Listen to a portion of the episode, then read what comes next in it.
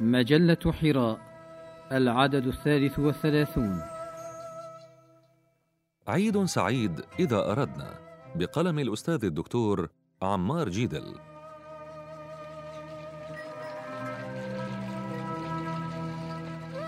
أصل العنوان فكرة مستلة مما قرأته عن الشيخ محمد البشير الإبراهيمي أمير البيان وسلطان البرهان في الكشف عن الدرر المستخرجة من القرآن وسنة سيد الإنس والجان. درج الناس في البلاد الإسلامية أن يدعو بعضهم لبعض بهذه المناسبة بالسعادة في العيد وبه، ولكن هل تساءلوا فيما إذا كانوا أهلا لنيل السعادة، بل فيما إذا كانوا أهلا لإسعاد أنفسهم قبل نقل هذه المعاني السامية للآخرين؟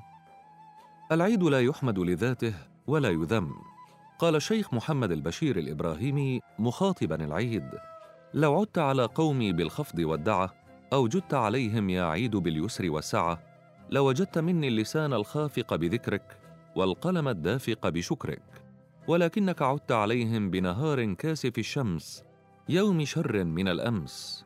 فاذهب كما جئت فلست منك ضاعنا ولا مقيما وعد كما شئت فلست مني حميدا ولا ذميما.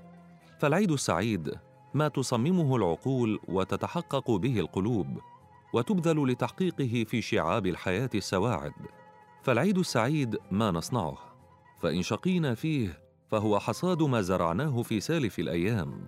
وإن سعدنا به فبفضل بذل وصناعة لا تجتمع الخمول والكسل والسبهله فقال الشيخ الناس لأعمالهم سعد العاملون وشقي الخاملون إنما فلو عمرنا أيام العام بالصالحات لكنت العيد لنا ضابط الحساب وحافظ الجراب ثم لم تلتنا من أعمالنا شيئا ولم تبخسنا من أزوادنا فتيلا ولكننا قصرنا وتمنينا عليك الاماني وتبادلت ألسنتنا فيك أدعية لم تؤمن عليها قلوبنا ثم ودعناك وانتظرنا إيابك وأطلنا الغيبة واستبطأنا غيابك.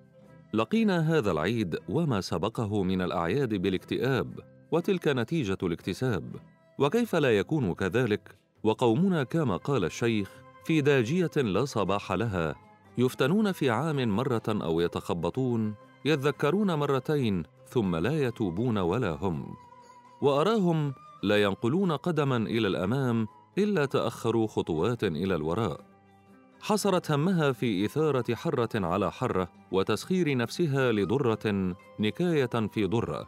ثم يذكر الشيخ متسائلا عن سبب البلاء الذي حل بالأمة فيقول في علة هذا البلاء النازل بهم وفي هذا التفرق المبيد لهم وأفكر كبراءهم وملوكهم فأجدها آتية من.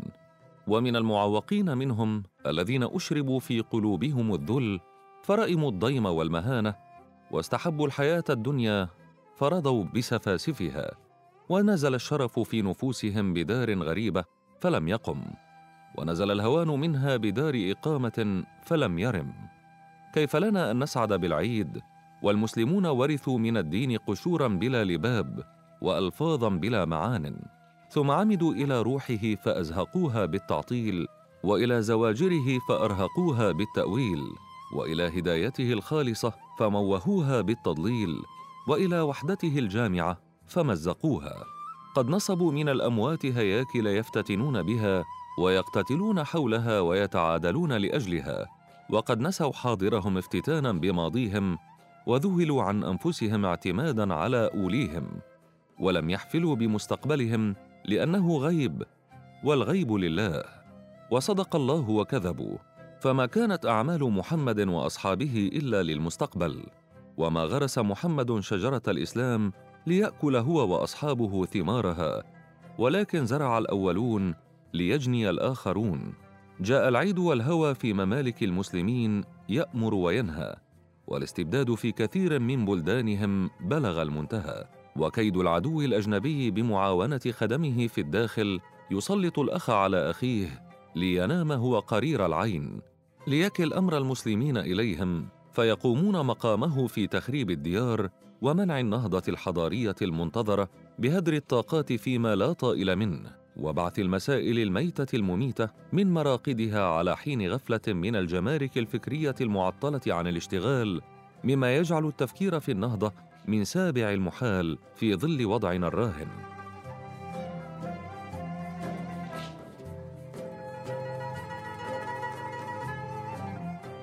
إذا أردنا أن يستعيد العيد معناه الديني والإنساني والنفسي والاجتماعي فيكون العيد دينيا شكرا بعد تمام عبادة تتحقق بها القلوب وتنار بها العقول وترى عمارة في الأرض ويعود في هذا اليوم مال الله الذي استودعه الغني على فقير يدعو له بحفظ النعمة من الزوال لأنه كان امينا في نقل الأمانة التي استأمنه الله عليها. نفرح بالعيد حين يكون يومنا أحسن من أمسنا في السياسة والتربية والتعليم والاقتصاد والاجتماع. وتستعيد أمتنا الصدارة الحضارية ويعود مال الأمة على الأمة. نسعد بالعيد عندما يقدم خيارنا في كل شيء. نسعد به عندما تكون الكفاءة المعرفية والأهلية الأخلاقية معيارا للتقديم. نسعد عندما يستعيد المجتمع المبادرة التي تتوافق مع الأوامر الإلهية في كل شؤون الحياة. نسعد حينما تسعفنا شهواتنا فنتحرر من قبول السوم. فضلا عن الترشح للبيع أمة وشعبا حكاما ومحكومين. نصرح بملء فينا وبكل قوة أننا لسنا أمة للبيع وأننا أمة لا تقبل الضيم والإذلال. من ظن أن الشعوب والمجتمعات قد تسعد بما لا يسعد فهو مجانب للصواب مخالف لما أرشدت إليه الألباب منازع لما درجت عليه سنة قوانين رب الأرباب. الأمم لا تسعدها الآلام والشجون إلا إذا تعطلت فيها العقول والقلوب باللهو والمجون وطمست المواهب بفعل القرب من المحلي أو الأجنبي من الكانون الموقد رمز الدفء واندثرت فيها المروءة وقلبت فيهم الموازين فصار التحريش بين أهل الوطن الواحد في الصحافة مهنية وحصافة وتعريض وحدة المجتمع والأمة للخطر سياسة وتزعم اردا السفلة نباهه وتقدم من خلاق له كياسه حتى أصبحت الروائح التي تزكم الأنوف مقدمة لما لها من نفاسة. الأمم لا تسعد إذا كانت لغة التواصل المخلب والظفر والناب. والميل الصريح عن كل قول صواب لأنه صدر عن مشاغب كذاب. الأمم لا تسعد بتعطيل إرادتها بمزيف من الانتخاب أو حيل دهاء ساسة لأجل أن تهنأ الأمة بطول غياب في تعمير الأرض والمراقبة والحساب. لا يرتاح لها بال حتى تراقب الكل حتى البواب. عيدنا سعيد إذا نوينا بحق وصدق ثم فعلنا وشغلنا تلك النية في شعاب الحياة فيتحول حالنا إلى أحسن حال فيكون يومنا تصميما على ترك التخلف بكل أشكاله وألوانه. فنطرده من تعليمنا ومشهدنا السياسي والاقتصادي والاجتماعي التخلف وفق المعايير الإنسانية الجامعة.